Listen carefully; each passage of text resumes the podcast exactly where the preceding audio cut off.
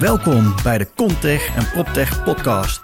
Inmiddels hebben we 100 plus afleveringen voor je klaarstaan op Spotify, iTunes en SoundCloud.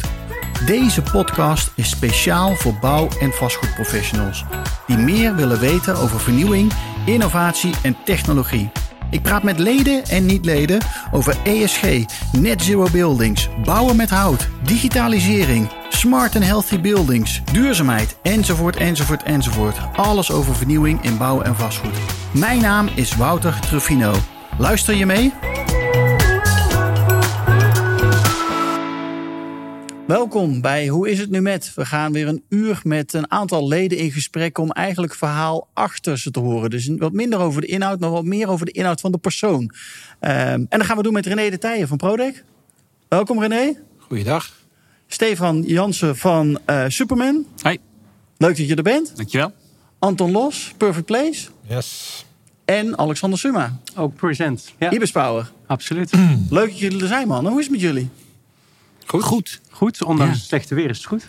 Ondanks het slechte weer is het toch goed. Ja, jij bent in een project bezig met Hawaii. Daar is het weer natuurlijk fantastisch. Daar is het weer altijd goed. Het is paradijs voor powerness, niet alleen voor uh, toeristen. Voor toeristen, nou mooi. Gaan we het misschien straks nog over hebben. Ja. Jongens, waar we altijd mee beginnen. Want we doen dit, uh, het, is, het gaat er gewoon over jullie. Uh, maar we gaan het ook een beetje over het nieuws hebben. Dus wat is jullie opgevallen in het nieuws de afgelopen dagen, week?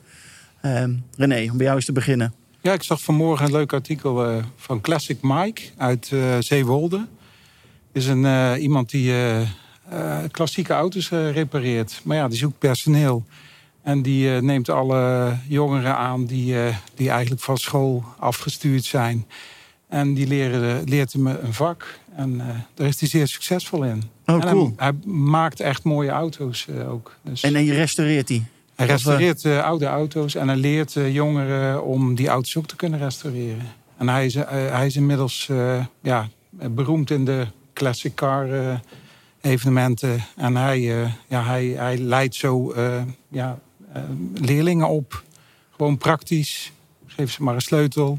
Laat ze wat uh, maken. En, uh, en laat ze iets gaafs doen. Ja, aan een mooie auto werken. Dus dat vond ik wel een positief uh, bericht tussen alle negativiteit. Want, dus, ik, ik wou net zeggen, want als het ja. gaat over mensen aannemen... en de problematiek die we hebben op die arbeidsmarkt...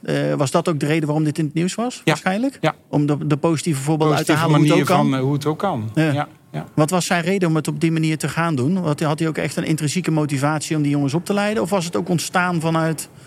Uh, intrinsieke motivatie om, uh, om mensen die, die, die uh, uit de boot dreigen te vallen... op deze manier wel aan het werk te krijgen. Ja. Dat, is, ja, dat vind ik altijd wel mooi als mensen op deze manier eigenlijk... mensen ook een vak laten leren in plaats van op school te zitten. Ja, ja. cool. Hebben jullie daar zelf last van om mensen aan te nemen op dit moment?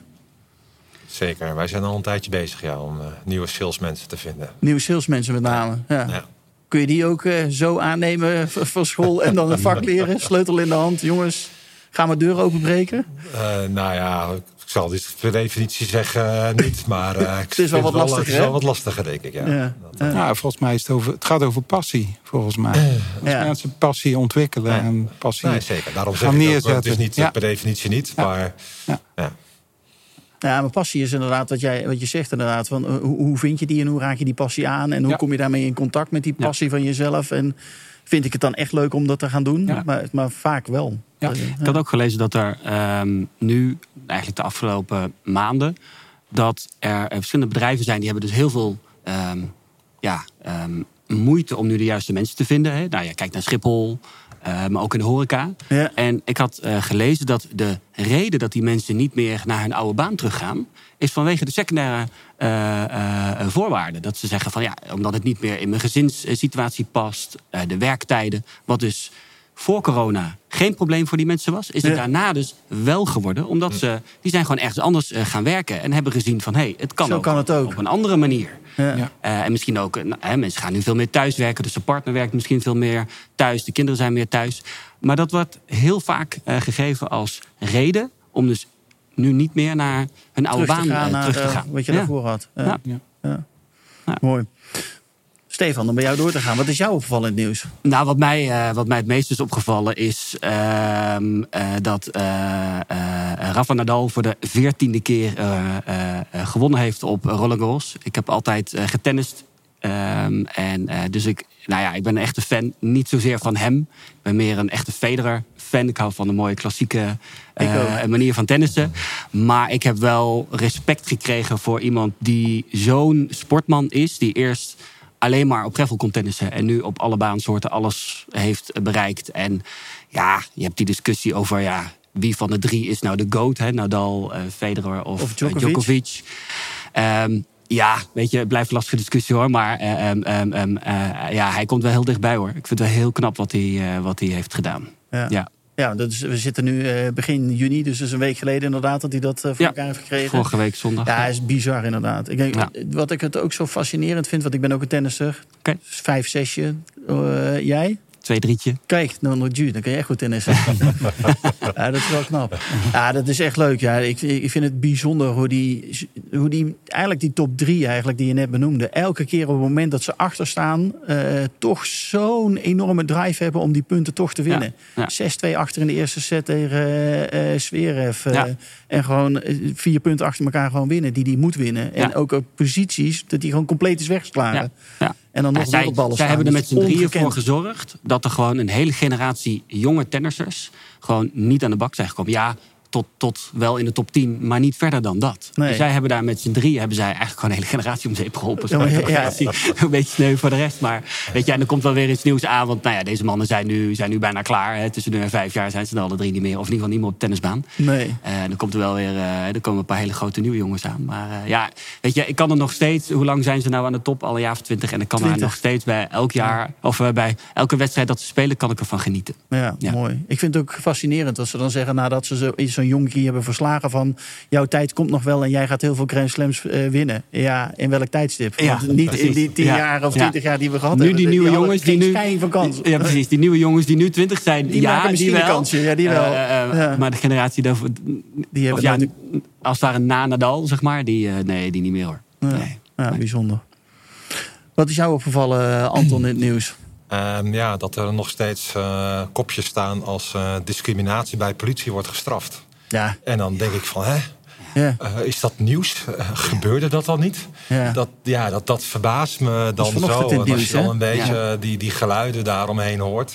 denk ik van, nou ja, het is toch wel echt bizar dat dat dat dat nog steeds nog speelt. steeds speelt. En nog steeds zo diep geworteld in de maatschappij zit. Dat het, dat nog steeds zo is. Ja. En ja, dan kijk ik ook weer naar mezelf. Dat ik in een bepaalde bubbel leef. Dat ik het niet altijd door heb, zeg maar. Ja, dat, je niet, dat, we het het nog- niet zien. dat Heel veel mensen zien het niet. Ik zie het ook niet. eh, nee, dat het ja. eh, niet zo, eh, zo gebeurt. Nou ja, dan een berichtje daarbij ook weer eh, de- deze week... dat dan de voetbalclubs ook technologie gaan inzetten... om discriminatie eh, beter te herkennen. Ja. Dus nou ja, dat vind ik dan weer vanuit mijn technologie, eh, optiek en interesse daarin... vind ik dat ook wel weer. Techniek wordt, heeft natuurlijk soms ook perverse prikkels. Hè. Dat eh, Ja. Black Mirror eh, heeft iedereen wel eens wat afleveringen van gezien, denk ik. Ja. Dat, eh, maar het kan dus ook op deze manier eh, ook voor positieve zaken ingezet worden, zeg maar. Ja, want politie zei er volgens mij bij dat ze mensen zelfs gingen ontslaan. Hè? Ja. Ja. Ja. Dus het was best rigoureus als het nog. eh, Ja, nog maar dat het, plaats nog niet, dat het nog niet gebeurde. Ik denk, een, een politie heeft toch juist bij uitstek een voorbeeldfunctie. Dat dat juist organisaties moeten zijn waar dat, nou ja, gewoon no tolerance eh, moet, moet zijn. En Ja. dat dat dan nu, ja, dit soort verhalen horen, dat ze dan nu ontslagen worden. Ik vind ja, dat dat nog besproken moet worden. Ja, heel bijzonder. Ja. Nee. Ja, Ja, dan hebben we nog veel te doen af en toe. toch? Ja. Ja. Ja. Ja. Alexander, Suma, wat is jouw nieuws? Ja, wat is mijn nieuws? Ik, ik moet heel eerlijk zeggen, elke dag volg ik nog steeds de Oekraïne-situatie. Ja, En ehm, nou, en dat is ook wel persoonlijk. Mijn, eh, mijn vrouw is Russisch. Ehm, dus onze schoonfamilie woont in Rusland. Dus wij merken daar natuurlijk veel van. Eh, maar we hebben ook heel veel vrienden in Oekraïne. eh, waarvan familie toen is moeten gaan vluchten, et cetera. Dus ja, wij waren daar die eerste dagen heel erg door geraakt. En ik merk, en ik, ik probeer eigenlijk zo min mogelijk te lezen. Want het doet natuurlijk wel wat met je. ja, dat lukt me niet helemaal. Ik, toch elke ochtend kijk ik. En eh, misschien wel een aantal, keren per dag kijk ik van... Nou ja, wat is de stand van zaken? Dus dat, dat houdt je eigenlijk houdt je dat, houdt mij dat wel bezig. Eh, verder let ik natuurlijk op eh, ja, de energieprijsontwikkelingen... die daar ook allemaal mee van doen hebben. Maar dat, dat is natuurlijk meer werkgerelateerd. ja. Ja, het is Ja. een bijzondere situatie, hè? Het, ja, het is een, Hoe zitten de Russen er eigenlijk in? Want heeft ze nog veel familie wonen in Rusland? ja, haar- Krijgen zij het nieuws mee? Ehm, nou, Op de manier zoals wij het meekrijgen in Europa bedoel ik. Ja, dan. natuurlijk heel anders. Ja. Want eh, dus haar ouders wonen in, eh, in Rusland. Eh, laat zeggen twee uur vliegen van Moskou. Dus dat is echt in Rusland. Ja. Ehm, ja, in het begin merkte je dat ze eigenlijk de propaganda napraten. Dat was hun beeld. Maar je moet je ook beseffen, wat wij zeggen, dat is ook, Hm. Ook wat wij, ja, dat wat ook wij wat wij te horen Ja. krijgen. Ehm, dus toen hebben we afgesproken, we gaan er niet meer over praten. Ehm, en nu, eh, drie weken geleden, vier weken geleden misschien. En eh, haar vader eh, is marinier, spaart tanks en is echt een fan. Is eigenlijk een 100% nationalist. Ja. Maar zelfs hij begon te zeggen wat die overheid van ons doet, dat klopt niet. Ja. Er klopt iets niet. Het uh, doesn't add up. Ja. En, um, en ik denk dat dat al heel veel wil zeggen. Als dat ook in de provincie gebeurt, twee uur vliegen vanuit Moskou vandaan. Dan wil ja, dat wel echt wat zeggen. En, en, zeker een man als, uh, als hij, die uh, ja, niet echt van tegenspraak houdt, een echte Rus. Uh, nationalistisch in hart en nieren, nooit uit Rusland is geweest. Ja. Um, als hij dat al gaat zeggen, dan is er toch echt iets aan de hand, ja. Ja, een bijzondere situatie. Ja, ja het is. Ja. En, en um, ja, mijn vrouw Elena die heeft vorige week een, uh, een soort webinaractie gedaan. Waar ze geld uh, heeft opgehaald voor mensen uit Oekraïne.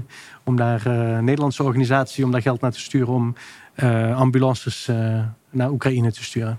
Mooi. Ja, dus, ja. dus daar zijn we eigenlijk. Ja, daar ben je toch mee bezig. En zij nog meer dan ik natuurlijk. Ja. ja. En dan even de energieprijzen. Uh, dat is natuurlijk op zich, is dat voor jou gunstig? Zou je zeggen, want dan wordt de business case voor je bedrijf wordt steeds makkelijker en beter. Ja, die, die business case is heel eerlijk gezegd een no-brainer geworden. Ja. Um, het is natuurlijk ook zo dat de materiaalprijs uh, ook omhoog is gegaan, maar geen 270 procent. Nee, precies. de energieprijs. Ja. ja. ja. ja. Dus, dat... dus dat is heel eigenlijk contradictioneel, hoe moet je dat zeggen? Ja, tegenstrijdig.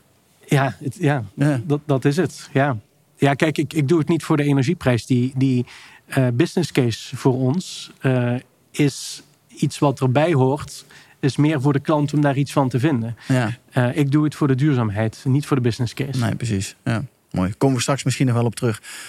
Jongens, we gaan het over jullie uh, privé ook uh, uh, hebben. En een beetje jullie leren kennen. En dat doen we aan de hand van een paar, een paar vragen. En een, de eerste vraag is altijd van... Joh, wie is je idool um, geweest of nu? Ehm, René, wie is dat voor jou?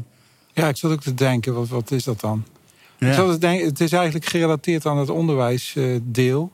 ik, had, ik had een Franse leraar op de middelbare school. En die, die heeft in het eerste jaar dat ik Frans kreeg... zoveel humor binnengebracht dat ik dacht van had ik dat maar ook de afgelopen jaren veel meer toegepast in mijn, in mijn werk. En, want het enthousiasme die hij altijd uitspreekt, heeft mij in twee jaar tijd toch Frans leren kennen. Ondanks dat ik totaal niet talig ben. En ik nog steeds wel het gebruik als ik naar Frankrijk ga. En ik moet af en toe Frans praten. Dat het, het, het is een soort van latent daardoor aanwezig. En dat in twee jaar tijd. Dus ik vond, vond dat eigenlijk wel een mooie... Uh, knap. Ja, heel knap. En dat is niet mijn idool of zo. Zo zie ik het niet. Maar wel iemand waarvan ik wel eens vaak op terugdenk van... ja, je kunt ook op een, een positieve en vrolijke manier business doen... of uh, iets overbrengen. En uh, goed, en uh, daar kom je er zelf eigenlijk achter dat je dat veel te weinig toepast. Dus dat is ook elke keer weer die... die dus elke keer als je naar Frankrijk denkt, dan, gaat de, de dan komt, denk je weer... Ja, meneer Karremans, die, die, die blijft altijd... bij, ja, dus dat vond ik wel... ja, dat ja, zit heel erg bij mij erin. Ja. ja. leuk is dat. Ja. Stefan, wie is dat voor jou? Ja, ik... Um, um, goed, we hadden het er net over van goh, wie, wie, tot welke leeftijd is dan een beetje een idool. Dus we hadden allemaal zoiets, nou ja, tot een jaar of twaalf. En als ik dan kijk naar muziek, dan is dat wel Phil Collins uh, geweest. Oh ja, ja. Uh, en dat zou je eigenlijk niet verwachten bij een twaalfjarig jongetje toch. hè, waar, en dan wel een beetje de muziek uit die tijd, zeg maar. Dus uit de jaren 80, 90. En ik heb ook nooit echt een... een ik ben nooit echt fan geweest of echt, echt een idool of zo gehad. Uh, maar wel heel veel daarna geluisterd. En, en, en, en had net een wat andere sound dan, uh, ja. dan nou ja, de andere muziek om me heen. Ook naar concerten maar, geweest? Of, ja, uh, ja, dat wel. Ja, ja, ja. En nu een stuk of zes, zeven keer, denk ik. Dus dat is, dat is voor mij dan al wel veel. Zeg maar. ja, ja, leuk. Ja. Mooi. Anton, wat is het voor jou? Ja, ik kan idool. wel, eh, wel inderdaad, ja, tot je twaalfde heb je dan echt wel idolen, zeg maar. Dat vind ik wel Hebben jullie dat daarna niet meer dan? Nou ja, maar goed, dat, omdat wij zijn natuurlijk van de letter, hè, dus er staat jeugd bij. Dus dan is wat is jeugd? En dat, is dan tot, tot- dat was onze definitie 12 jaar. dat, eh, Ik voel me nog steeds jong. ja. Maar ja, goed, de enige van wie ik mijn kamer vol heb gehangen was U2 vroeger. En eh, Bono, zeg maar. Oh, briljant. Dat was, Ja. En was Ja. dat vanwege de muziek of ook vanwege de, nou ja, wat eh, hij als uitstraalde? Als, maar ja. Nou, beide eigenlijk Ja. wel. Ja, de muziek vond ik ontzettend eh, eh, goed. Maar ja, toen merkte je al dat hij ook wel andere dingen deed... dan alleen met de muziek bezig was, zeg maar. En met andere onderwerpen. En bepaalde liederen die hij natuurlijk gezongen heeft. Zoals Sunday Bloody Sunday. En Ja. er zit gewoon echt een, echt een nou, passie en drive en overtuiging achter. En blijkbaar pakte ik dat toen al op of zo. Ja. ik heb het altijd heel erg gewaardeerd eh, aan hem in ieder geval. Leuk, leuk. Nee. Alexander. Ja, Voor jou een heb idool. ik echt even over moeten nadenken. Ik, ik, een idool is iets met een ideologie. Maar dat, dat had ik eigenlijk niet. Het is meer eh, dat je een fling hebt over een bepaalde band of zo. Dan Ja. zou ik zeggen Guns N' Roses. Daar heb ik eh, lang naar geluisterd. Voor mijn twaalfde. Daarna The Doors.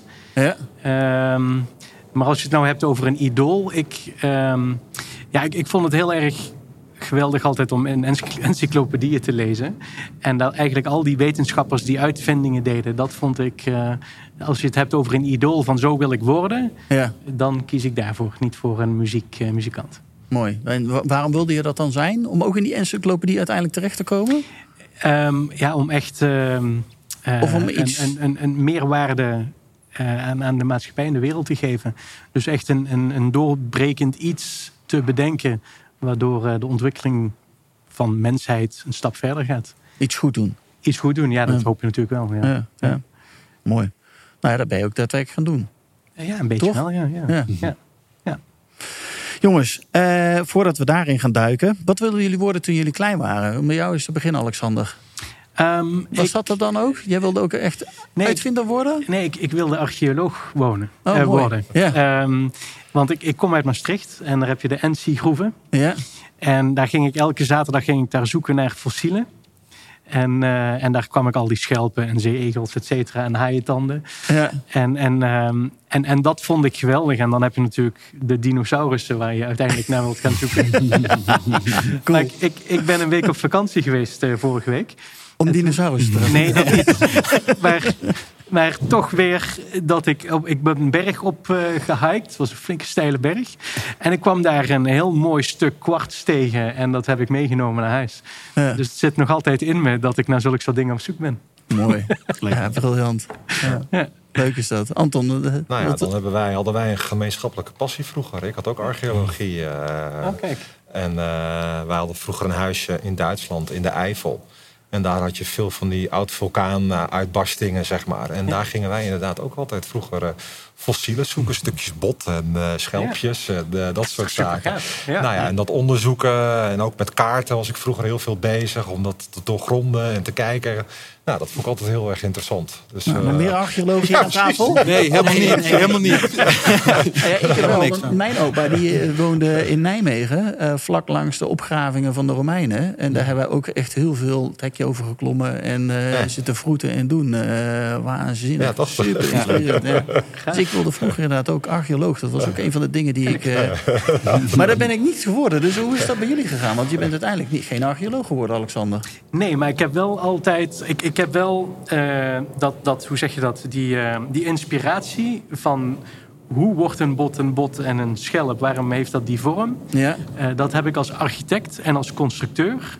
Die passie is gebleven dat ik daar iets mee wil doen en daar eigenlijk op zoek ben naar waar zit nou die magie daarin.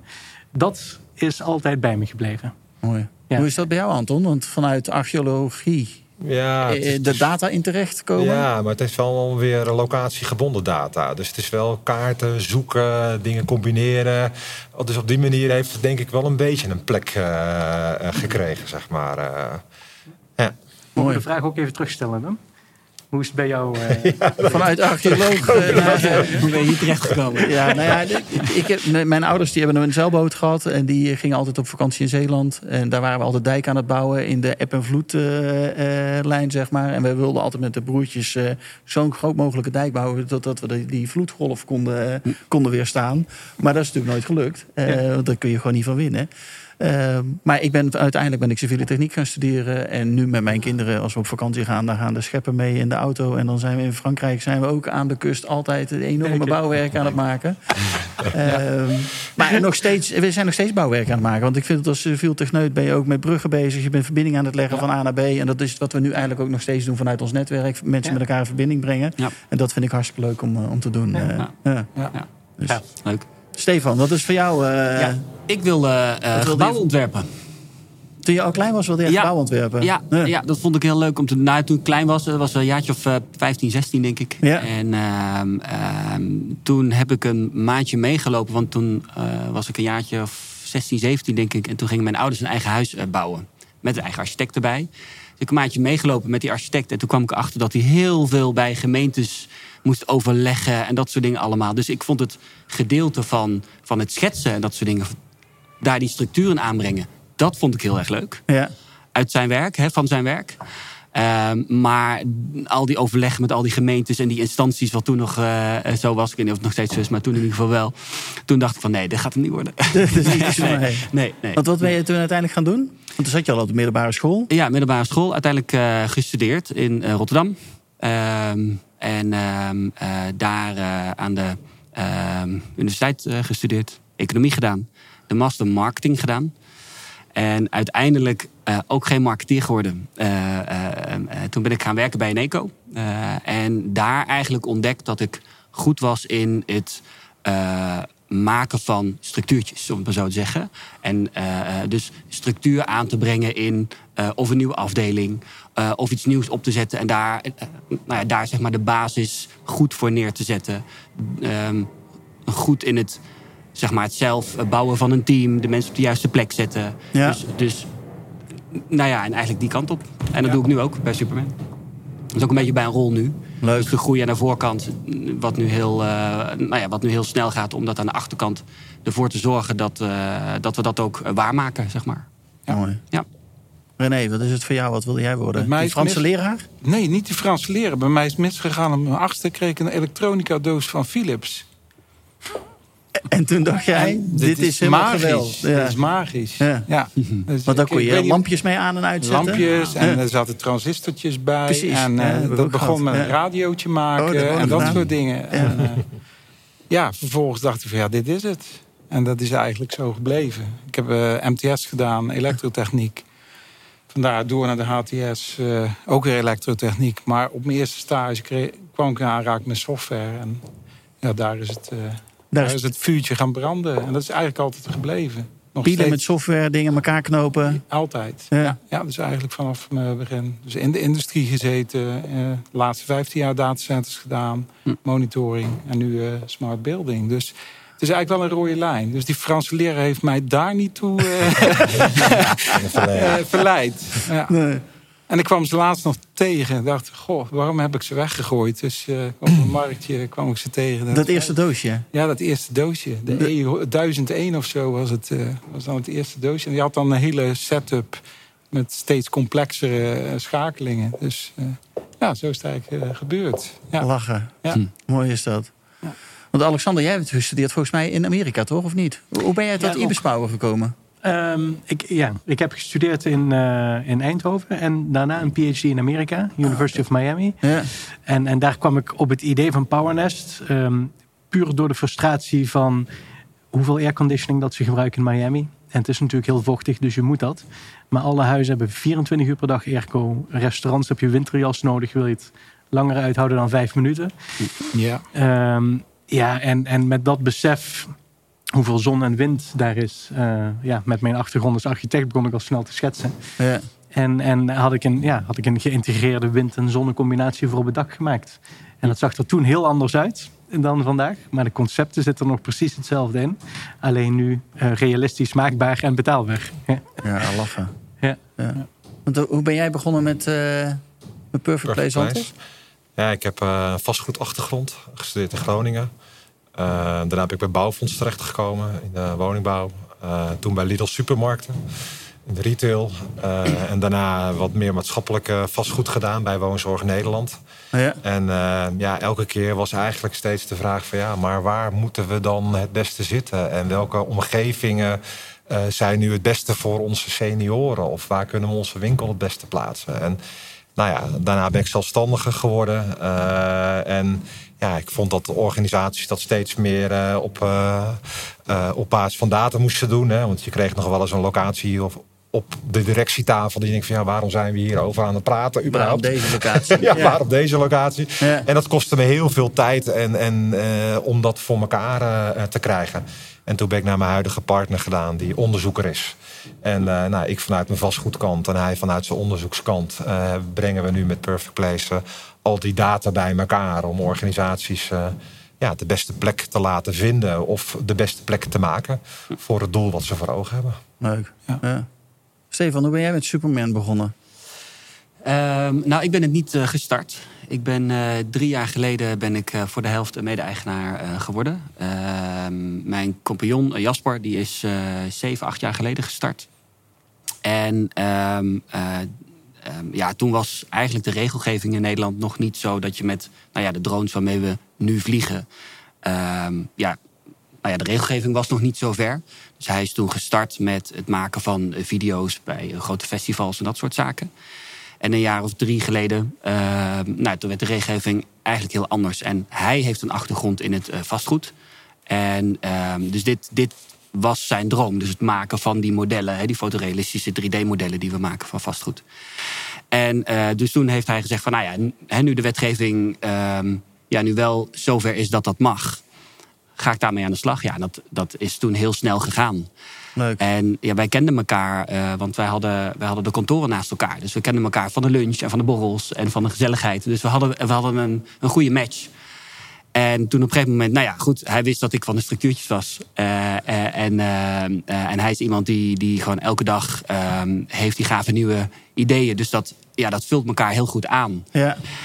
ja, en hij liet het me zien. En ik was gelijk uh, verkocht. En, uh, um, dus toen heb ik me nou ja, voor, de, uh, voor de helft daarbij ingekocht. Leuk. En vanaf dat moment zijn we heel hard gaan bouwen met elkaar. Knallen. Ja, ja. ja Dan krijgen wij vaak de vraag van... joh, je mag er nergens vliegen met drones in Nederland. Um, nou, dat, maar dat die, is niet zo, toch? Nee, nee dat is voor, um, voor sommige bedrijven is dat niet zo. Dus er zijn eigenlijk twee groepen. Je hebt, je hebt zeg maar de zakelijke vliegers, noem ik het maar even. Die moeten bepaalde certificaten Um, um, ja, die moet je hebben om uiteindelijk nou ja, tot aan de landingsbaan van Schiphol hè, mogen we uh, vliegen. Er is één heel klein stukje hier in Nederland waar we niet mogen vliegen. En dat is een stukje Wassenaar. Uh, en daar woont onze kon, uh, um, zoiets onze koning. Ja, ja daar woont onze koning. Ja. dus die vindt het niet leuk als we, als we hem fotograferen in zijn eigen tuin. Ja. maar voor de rest mogen we overal vliegen. En, dus ja, dus dat mag inmiddels. Mag inmiddels, ja. Maar dat is niet voor iedereen. Nee. Er zijn bepaalde bedrijven die dat mogen. René, voor jou. Jij werkt nu bij Prodec. Ja. ja. Ik heb uh, hiervoor uh, 15 jaar uh, in de datacenterwereld gezeten. We hebben daar uh, software ontwikkeld. En na 15 jaar had ik dat wel gezien. En dan ben ik eigenlijk een nieuw bedrijf begonnen. We hebben een, een stuk legacy over kunnen nemen van, een, van Prodec. De, de, de, de oude eigenaar die als distributeur in Nederland aan de slag was. Ik heb samen met mijn nieuwe compagnon uh, hebben we gekeken van ja, waar willen wij ons ontwikkelen. We zijn eigenlijk gaan kijken van uh, wat is interessant. En we zijn eigenlijk in die smart building hoek uh, terechtgekomen om daar softwarepropositie neer te zetten. op het gebied van het monitoren van, van gebouwen en doe da daarmee slimme dingen te doen. Cool. Ja. ja. Dus... Ook een booming markt op dit moment. Ja, Zeker, uh, ja, zeker omdat het, uh, het, staat nog een beetje aan de basis. Uh, er is al heel veel ontwikkeld de laatste twintig jaar. Alleen dat staat eigenlijk op het punt om, om vervangen te worden. En daar echt smart dingen mee te gaan doen. En dat is vanuit mijn industriële en datacenter achtergrond wel een heel interessante markt om ja, dit weer te ontginnen en daar iets moois van te maken. Mooi, ja, leuk. Nou, nog even terug naar jullie privé. In welke, welke stad of dorp ligt jullie hart, mannen? Alexander, is dat voor jou? Ja, dat zijn twee steden. Dat is, uh, dat is Maastricht. Je mag er maar één noemen, hè? Maar ja, Eentje, dan, dan, nee. dan is het Maastricht. Nee, maar de, de- en dan de ander? Eh, Miami. Miami, toch? Ja, Ja. ja. Maar dat is Eh. toch wel een groot verschil, Maastricht en Miami. Eh, best wel. Ja. ik denk dat alles anders is. Ja. Ehm, ja, dat is toch de stad waar je opgroeit, denk ik. En ehm, het, ik, ik vind het heel jammer, want Maastricht heeft niet echt een plek waar ik kan werken of waar ik mijn bedrijf kan neerzetten. Ehm, maar het is wel heel fijn om daar eh, te, te leven. ja. Dat, eh, dat is een hele fijne stad. Bourgondisch, daar hou ik natuurlijk wel van. Ehm, ja, in Miami heb ik gewoon heel veel goede herinneringen. Heb ik nog heel veel vrienden natuurlijk vanuit mijn studietijd. En ja, ik vind het in Eindhoven heel erg jammer dat ik niet dicht bij het water woon. Dat ik niet eh, dicht bij de kust eh, zit. ja. En dat mis ik heel erg van, eh van Miami. Dan Miami. Ja. Ja, ja, en het weer is altijd Mooie goed. plek. Hè? Het weer Ja, is altijd zomer in Miami. Ja. Ja. Het, het is ook heel gek, want ehm, dat had ik nog nooit gezien. Maar dus in april en oktober vallen alle bladeren van de boom. En de dag daarna groeien ze weer terug. Dus je hebt gewoon geen seizoenen. En als je dat voor de eerste keer ziet, dan denk je... Hè? Ja. Want Ja, en ineens ligt je stoep vol met bladeren. En dan begint alweer te, Dan begint alweer te, te bloeien. Dan komen er weer bloesem. Ja, heel gek is dat. Maar altijd zomer, dat is heerlijk. Kom je nu nog vaak in Miami? Ja, ik ben, ei- ja, sinds COVID ben ik niet meer geweest. Dus, eh, ik had het eigenlijk wel in mijn agenda staan. Eh, maar deze zomer ga ik wel even naar Miami. Het is de slechtste tijd. Veel te heet. eh, heel veel regen. Maar eh, ja, ik vind het wel fijn om weer overal even iedereen te zien. En, eh, Ja. Ja. Leuk. Anton, wat is dat voor jou? Wat is jouw eh, stad of dorp? Ja, Amersfoort. Amersfoort? Ja, ik ben daar geboren en getogen. Ik woon daar nog steeds, wel voor studie eh, in Amsterdam en Groningen gewoond. Maar ja, daarna kon ik bij Bouwfonds beginnen in Hoevelaken. Dus dan ga je in Amersfoort weer wonen. Ja. Ja, en dan, dan zo heb je daar zoveel meegemaakt. eh, getrouwd, mijn kinderen daar, eh, daar geboren. Eh, veel vrienden. Eh, ja, dus ja, dat is wel echt eh, Jouw plek? mijn, eh, mijn stadje. Een keientrekker eh, heet je dan, eh, zeg maar. Ja, Ja. En eh, mooi. ja, en eh, nou ja, Buenos Aires is dan voor buiten. Om toch maar een andere stad te noemen. nou ja, als, ja, als we dan kom je toch daar wel dan een ineens tweede mogen. nou ja, ik, ik, ik heb een half jaar in Zuid-Amerika gereisd. En eh, eh, eh, toen zijn we ook Buenos Aires eh, als, als huwelijksreis hebben we dat gedaan. En, eh, Argentinië, toen, en, ja. ja. toen Buenos Aires is een van de steden die me gewoon het meest bijgebleven is. Gewoon qua ja, historie, maar ook qua dynamiek, qua temperament en, en dat soort zaken. Ja, ik vond het gewoon echt een geweldige eh, eh, stad. Dus als ik nog één keer ergens heen moet gaan buiten Nederland, zeg maar, dan zou ik naar Buenos Aires gaan. Mooi. Ja, geweldig. Ja. Mooi. geweldig. Stefan, is Ja, dat voor jou? mij eh, Rotterdam. Rotterdam. Ja, ik ben er gaan studeren, dus ik ben er niet opgegroeid. Ehm, en ehm, Welk gevoel krijg jij dan als je Rotterdam weer binnenrijdt? ja, dat is, wel, dat is wel echt mijn stad geworden. Ehm, toen ik daar ging studeren was het nog een beetje de, de grauwe, grijze havenstad. Maar de laatste tien jaar is het daar is het zo veranderd. Maar ik heb ook het idee dat gewoon de sfeer is veranderd. Dus niet alleen eh, de stad zelf met, met, nou, met alle nou ja, eh, de nieuwe gebouwen die erbij zijn gekomen. Hè, de architectuur, dat soort dingen. Maar Ja, gewoon überhaupt de eh, sfeer in de stad Ja. is gewoon leuker geworden. Het is gezelliger geworden. Je hebt van die ehm, ja, lokale straatjes, zeg maar, waar, waar echt alleen maar de mensen uit je eigen buurtje daar samenkomen om daar gewoon een kop koffie te drinken of een biertje te drinken of een wijntje of even te eten. Weet je, ik bedoel, nou ja, wij woonden echt, echt gewoon in het centrum, centrum. En ehm, ja, je loopt naar beneden, je hebt alles. Ehm, ehm, ik ben misschien dan wat meer van het niet lullen maar poetsen eh, eh, eh, principe. Dus dat vind, ik, dat vind ik ook wel fijn. Ja. Ehm, dus ja, daar wel mijn hart aan verloren. Ja. En ik, ben, ik vind het wel jammer dat ik er niet meer woon. En dat ik daar ook niet meer ga wonen. Maar Waar ja. woon je nu? ik woon in, of ik ga nu in Zeist wonen. We, gaan, we zijn eerst verhuisd naar Groningen en nu van Groningen in de regio Utrecht. En in september gaan we voor vast verhuizen naar Zeist. Mooi. Kijk, dat is dus, een eh, mooie plek. Ja. Ja, een beetje Ja. pas op de plaats, een beetje rust in de tent. Ja. René, wat is dat voor jou? Wat is Ja, het jouw eh, eh, wereldberoemde Rijsbergen. Rijsbergen? Leg Net uit. onder Breda. Ja. Ja, ik ben daar 15 jaar geleden eh, komen wonen. En de hele sfeer van zo'n dorp eh, heeft mij wel gepakt, ja. En wat maakt dat dan voor jou? eh, want eh, waar heb je hiervoor dan ook Ik, gezeten? ik, ik ben geboren in Zeeuws-Vlaanderen, dus Ja. dat is sowieso wel een beetje een uithoek.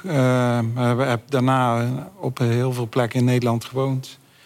En het zuiden trok sowieso wel. De, de Bourgondische mentaliteit. En ja, het dorpse gevoel wat daar heerst. en de gemeenschapszin die er heerst, daar, daar, word ik heel gelukkig van, zal ik maar zeggen. Ja.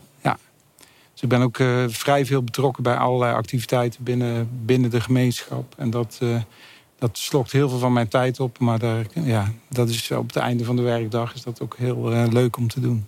Dus, leuk. Ja. ja.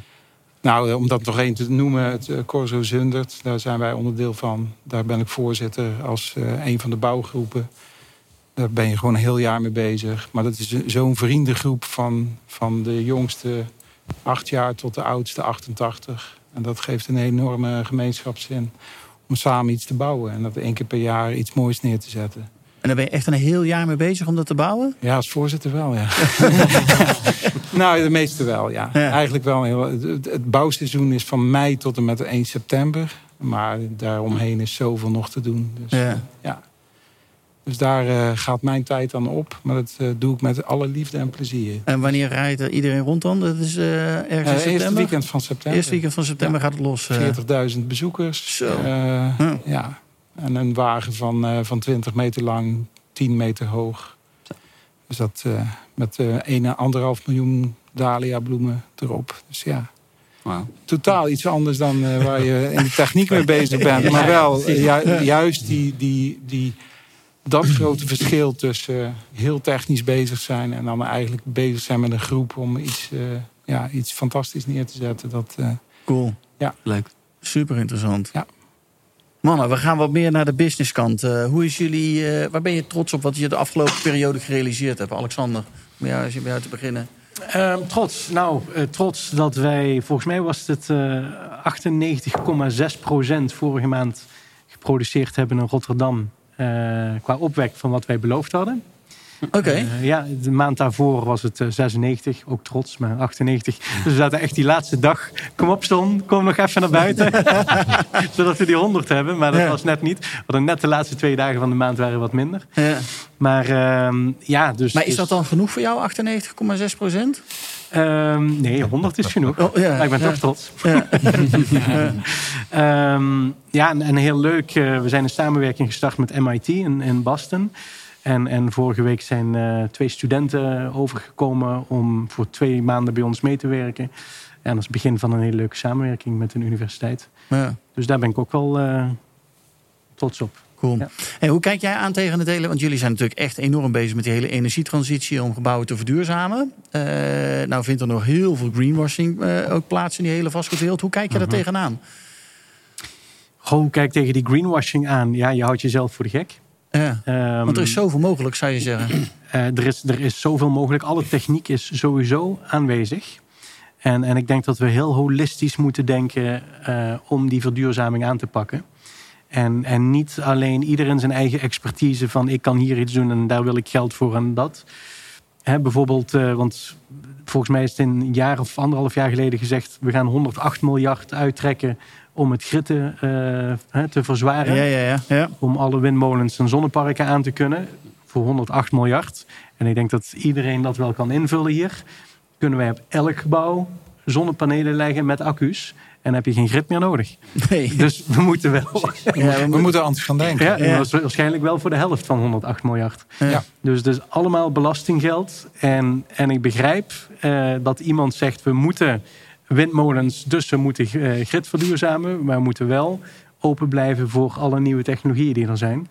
En, en, voor, en op die manier vooruit denken. En niet, niet maar alleen diezelfde weg kiezen. Uh, de, de, hoe zeg je dat? De de, de belopen paden, uh, ja, dat is de uitdrukking toch? Ja, ja, ja, ja de, de, de gebaande paden de gebaande, Ja, precies. Ja. ja. ja. ja. Eh, want zie je dat in Amerika? Want je komt ook veel in Amerika. Zie je dat het daar anders gebeurt? Zijn ze daar ook die gebaande paden aan het belopen? Of durven ze daar ook anders te denken dan? Ja, dat is, dat is toch echt heel anders. Um, en dat is en overheid en uh, de markt zelf. Um, de overheid die zit er daar gewoon heel erg strak in. 2024 krijgt je gebouw een energielabel. Daar ga je een consultant voor inhuren, die is heel duur. En dan zeg je hoeveel uh, CO2 dat je gebouw per jaar verbruikt. En je betaalt geloof ik 286, nou, 286 dollar per kilogram CO2 die je naar onze maatstaven te veel gebruikt. Ja. Dus ik heb dat uitgerekend voor één gebouw waar wij mee bezig zijn. Een Powernest bespaart dan al 42.000 dollar per jaar uh, alleen al door op het dak te staan. Ja. Eh, en dat zijn alleen de fees. Dan hebben we het eigenlijk nog niet over de elektriciteit die het opwekt. Die het opwekt. Ja. Dus, dus die gaan daar heel anders in. Het, wat ik ook heel mooi vind, dat is bijvoorbeeld in de life science eh, vastgoed. Dan zijn het de, de tenants. Ehm, hè, er worden gebouwen worden gerefurbished door een projectontwikkelaar. Nou, die probeert eerst een tenant daarvoor, tenant daarvoor te krijgen. Ja, ja. Eh, Maar de concurrentie is op hoe duurzaam kun jij mijn gebouw leveren en anders stap ik er niet in. Wil ik het niet hebben. Nee, Ja. want, eh, ja, want zij Dus die willen huurders gewoon... die zijn daar ook al een stap verder. Ja, het komt vanuit de markt. Van, ja. Ja. als het niet duurzaam genoeg is, Ja. dan doe ik het niet. Ja. En dan ga ik wel naar een andere. Dus die, dat is heel mooi. De competitie begint te ontstaan. Ja. Hoe, duur kun je, of hoe duurzaam kun je je gebouw maken? En dat is... eh, En is dat gerelateerd aan die prijs per kilogram CO2? Is dat, is dat de, de enabler geweest? ja, toevallig is dit voorbeeld uit een eh, staat waar dat nog niet geldt. Ja. Dus dat gebeurde toch. Ehm, ja, daarmee kun je eigenlijk wel een beetje meten dat het niet alleen daaraan gerelateerd Nee. Ja. Hm. Maar in, in New York, waar die local law 97 eh, geldt, telt dat wel heel hard mee. Ja. Ja. En hoe komt het dan volgens jou dat dat daar wel is en hier helemaal niet? Ah, het komt hier ook dat- wel. Er dat komt hier ook wel steeds meer regula eh, regulation. Ja, ook er vanuit Europa. Ja, maar, nee, maar dat die is mensen het dus blijkbaar zelf willen. Ja, maar het- ik denk dat er een heel groot verschil is. In New York, als daar een wet wordt gemaakt, dan weet je ook dat die wordt opgevolgd. Hmm. En dat 1 januari de Belastingdienst bij je op de stoep staat en zegt: kan ik even vangen? Eh, en in Nederland denkt men toch een beetje van ja, het zal wel eens een tijd wezen. En toch een beetje de gedoogsbeleid. eh, ja, dat dan meer om de hoek komt kijken. Eerst maar eens zien of het goed gehandhaafd wordt. Ja. Dat soort vragen. Ja, en als we met z'n allen doen, en niet doen, dan komt er toch niks van. Ja. Ja. Nou, dan komen we niet in beweging. Nee, maar het is wel, ja, maar het is wel heel slecht. Ja. Ja. En, eh, en, en dat heeft juist dubbele waardering voor, bij mij voor partijen die het juist weer wel doen. Ja. Die toch zeggen van ja, maar wij hebben hier wel een verantwoordelijkheid eh, te nemen. En, en, en climate change bestaat. En Ja. hè, we moeten onze stad leefbaar maken. Ja. Als je op je telefoon kijkt en je kijkt naar de luchtkwaliteit vandaag of wanneer dan ook, ja, daar word je niet blij van. En Nee, dan schrik je. ademen Ja, dan schrik je. Ja. En dat ademen we elke dag allemaal in. Dus Ja, dat dat is vind ik, bijzonder. eh, ja, ik, Ja. dat moeten we ons echt beter realiseren. En ik- toch in Nederland... Volgens mij was jij dat. Jij hebt mij ooit een keer bewust gemaakt van een, eh, een foto van Nederland met een eh, zwarte laag boven Ja. Nederland hangen. Ik, ik, elke keer als ik nu in een vliegtuig stap, dan kijk ik uit het raampje en dan Ja. denk ik van hoop dat het een, een mooie dag is, want dan Ja. kun je die zwarte laag waanzinnig Ja, dan goed zie, je- zien. zie je echt zo'n bruine laag boven het landschap. Ja, zweven. dat is joh. echt Ja. bizar. Ja. Zeker als het een paar dagen wat minder hard gewaaid heeft, is Ja. dat echt gewoon schrikbarend gewoon. Ja. En, en je ziet het natuurlijk niet als je, Nee. Nee. als je door de stad loopt. Je ziet het niet, Nee, maar je ademt het wel in. Nou goed, in Rotterdam hebben we dat toen wel gemerkt. We, Ja. goed, ik woonde daar in een van die grote torens. En dan kon je, eh, nou ja, een keer je... Kun je ook ver eh, weg kijken. Dan kun je het zo zien. Nee, maar ook een keertje schoonmaken op je balkon. Oh, ja. En ja, weet je, na twee dagen was het weer net zo erg. Ja, ja het is een bruine aanslag. eh. Fijnstof. Ja, en precies. Ja. Ja. Mooi. Ja. ja, niet mooi. Maar wel goed dat je ermee bezig bent. Ja, en we moeten er allemaal op een, ze- op een zekere zin mee bezig zijn. Ja. En ehm, ja, we moeten er gewoon voor gaan. We moeten eigenlijk niet meer twijfelen.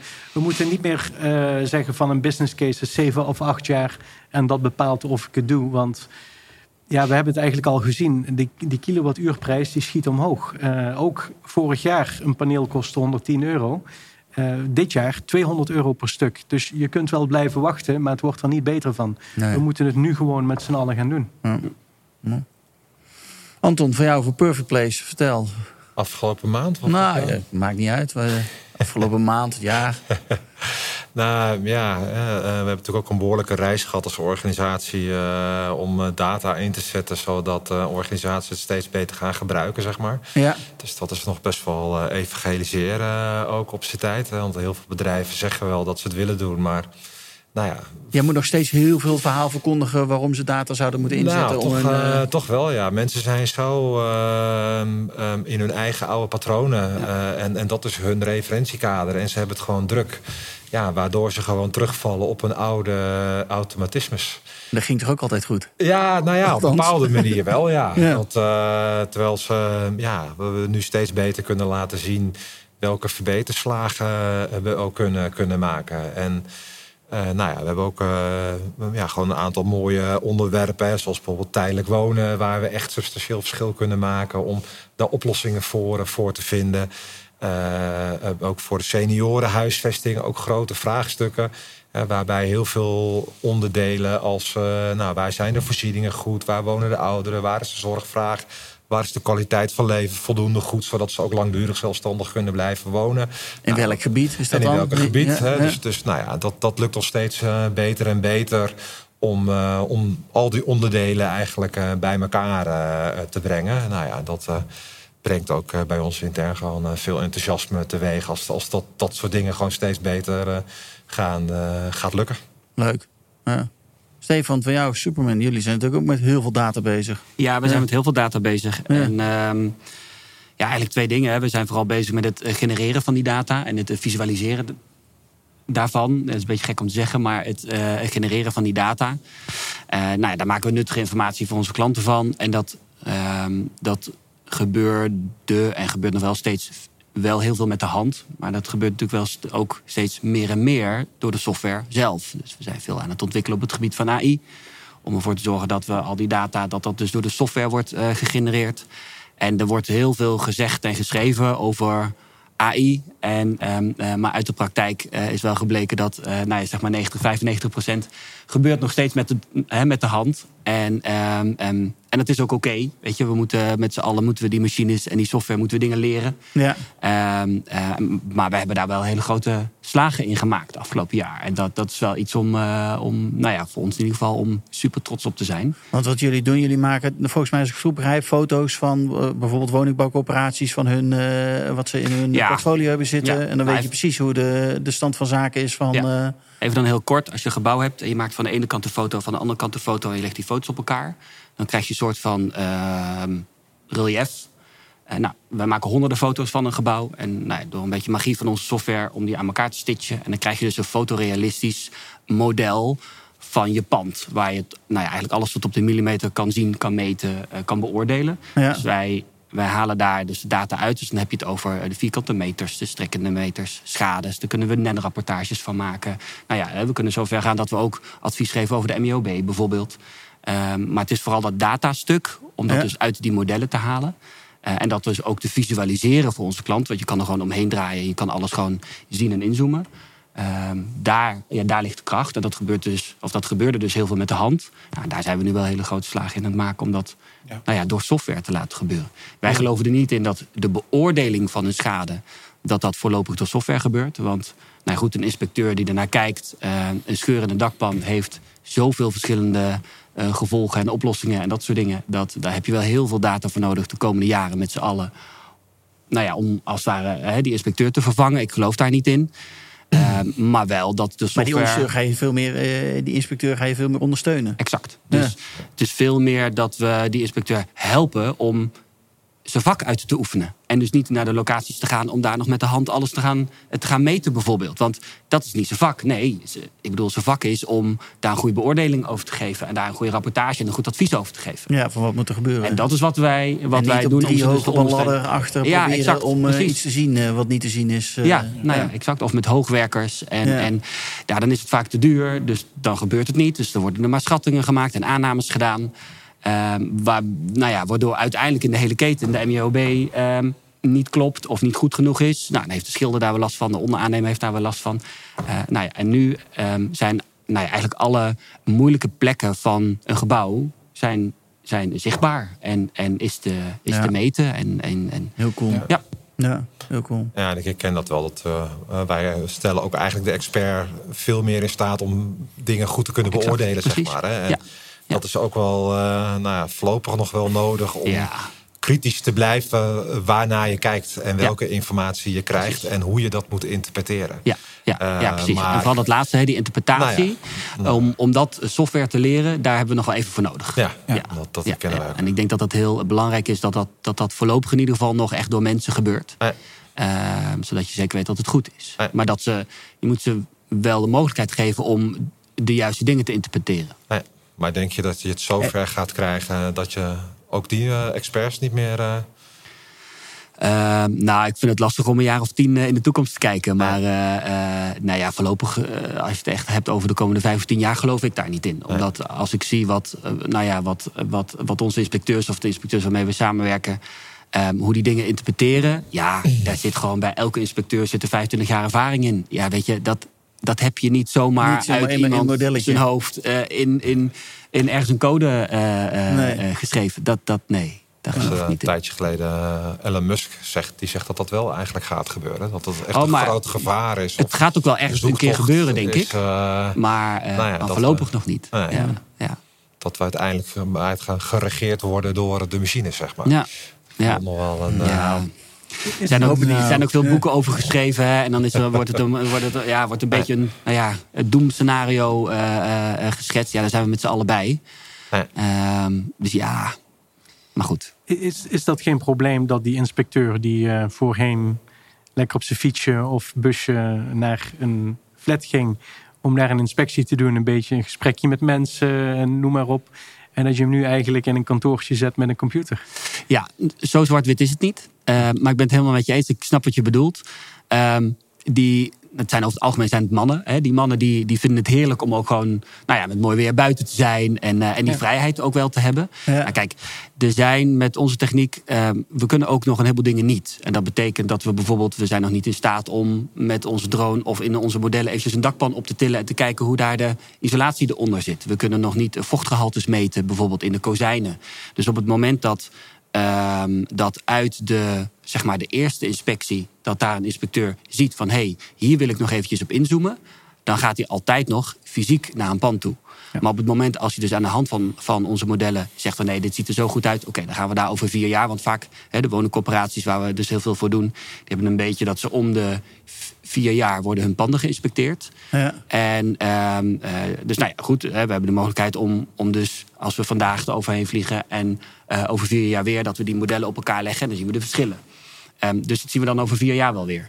Maar ehm, dus, het, dus het, is, het is een combinatie dat dus die inspecteur die gaat dus ehm, specifiek naar dat pand toe of naar die panden toe waarvan hij denkt van hé, hey, daar wil ik nog even kijken. Of eh, dat pand moet groot onderhoud hebben, daar ga ik wat extra metingen doen. En daar gaat hij dus het vocht meten. Maar dan gaat hij wel specifiek naar die plekken die hij al op de modellen gezien heeft. Ja. Ehm, ehm, zodat hij veel minder overlast heeft voor de bewoners eh, bijvoorbeeld. Hij is daar veel minder tijd mee kwijt. Dus hij is na een kwartiertje is die klaar in plaats van... want hij hoeft alles niet meer in te meten. Want Ja. juist het inmeten eh, van, van al die elementen in een gebouw... ze vinden het allemaal verschrikkelijk. Of ieder geval de mensen die wij spreken... die vinden het verschrikkelijk om dat te doen. Ja.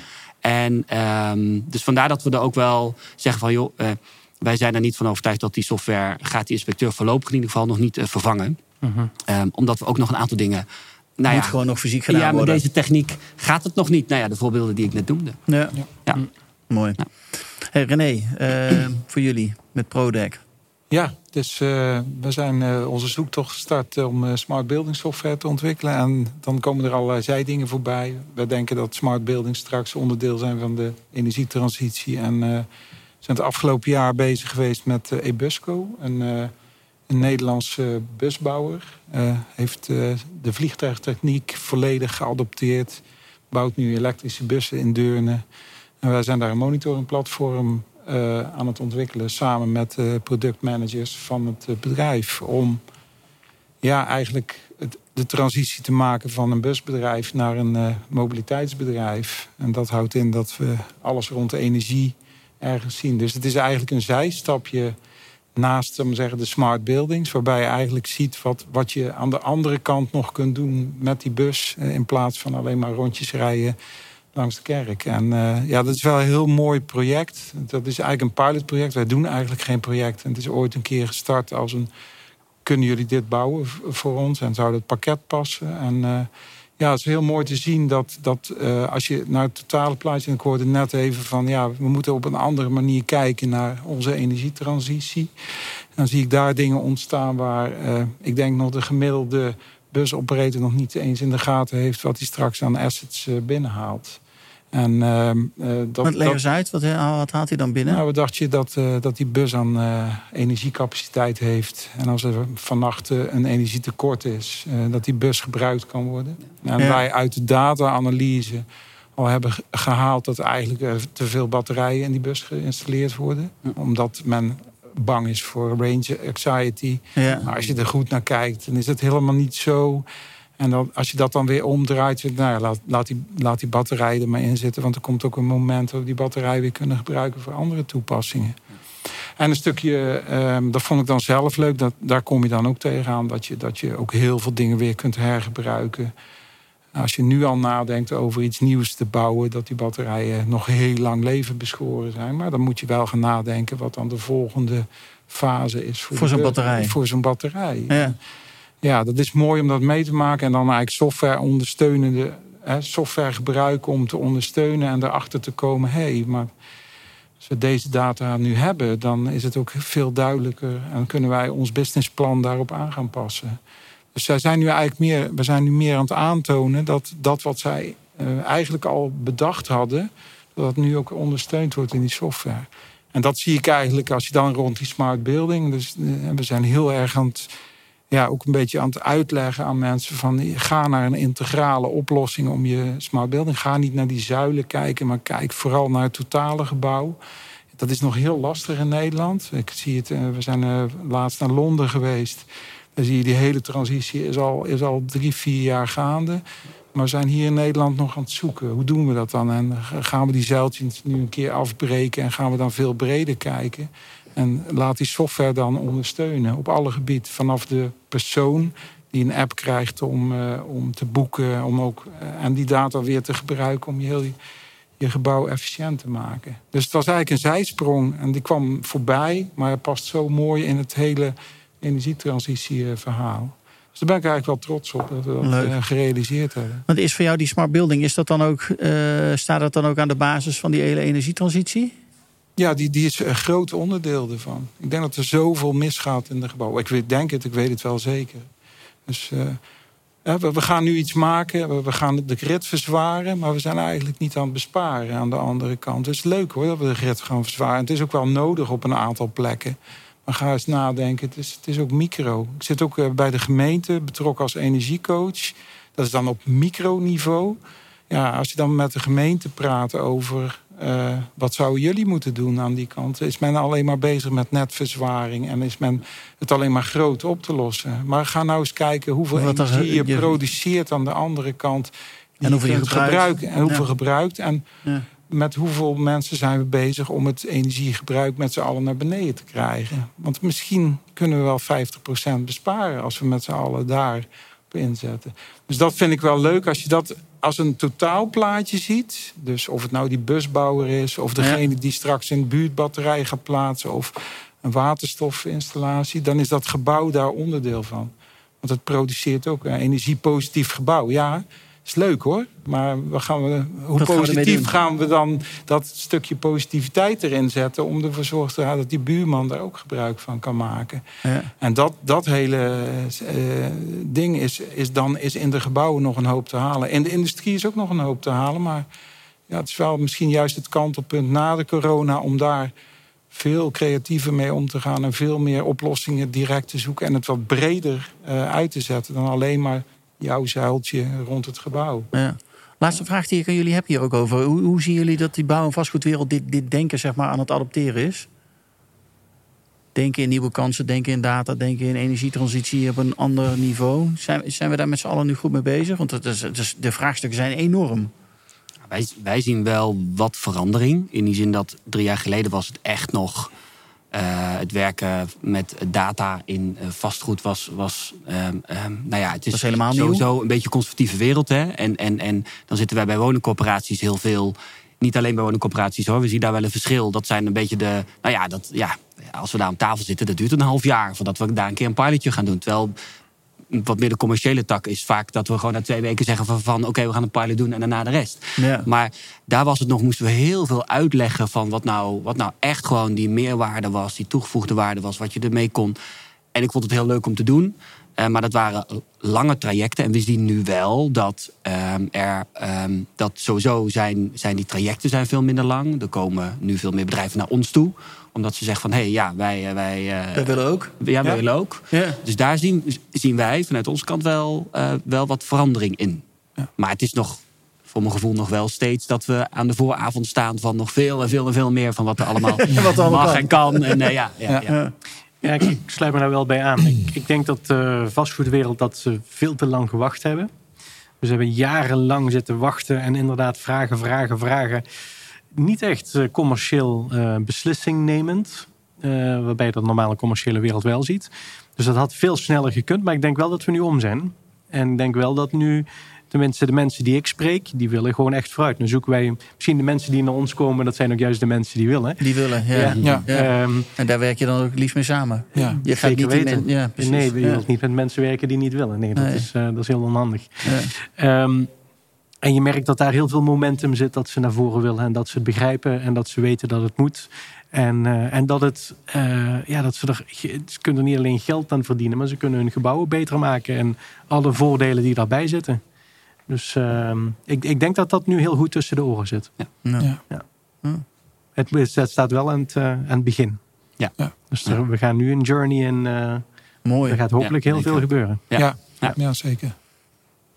Jongens, we staan aan een mooie vooravond dan, eh, denk ik. Eh, we gaan jullie volgen. Eh, en ik eh, hoop dat jullie eh, snel weer een keer hier terugkomen aan tafel. En dan hoop ik dat we weer wat mooie voorbeelden kunnen benoemen. Of wat Ja. jullie, eh, over jullie successen, waar jullie mee bezig zijn. Dank jullie wel om hier te Ja, zijn. bedankt. Ja, Ja, bedankt Dat leuk. Gesprek. Ja. En ik hoop jullie ook snel weer terug te zien op het eh, kennisfestival dat we gaan organiseren in september. RBF Festival op de Zuidas, eh 20 tot 22 september. De volgende slide zie je de link ook staan naar eh, de website www.rebf.nl. Koop snel je ticket, want dan eh, eh, hebben wij jou ook daarbij. Dan gaan we het drie dagen lang hebben over die toekomst van die gebouwde omgeving. over allerlei verschillende onderwerpen waar we het hier ook aan tafel even kort al hebben aangelicht. Maar daar gaan we de echte diepte in. Ehm, dus ik hoop dat jij daarbij bent. Allemaal een hele fijne dag en tot snel. Dankjewel voor het luisteren naar deze aflevering van de Contech en PropTech podcast. Ik hoop dat je andere afleveringen ook gaat luisteren. Maar ik hoop dat je natuurlijk ook een keer naar ons clubhuis komt in Amsterdam. Waar wij om de twee weken een masterclass organiseren over verschillende onderwerpen. Maar ook altijd op de eerste vrijdag van de maand een draait door show maken. Een echte tv-show met publiek aanwezig. Waarbij we natuurlijk borrels organiseren. Zodat mensen elkaar kunnen ontmoeten en netwerken met elkaar. Zodat er een beter gebouwde omgeving gecreëerd kan gaan worden. Ik hoop je snel te zien. Of in ieder geval online of fysiek. En ik wens je nogmaals een hele fijne dag toe. Tot snel!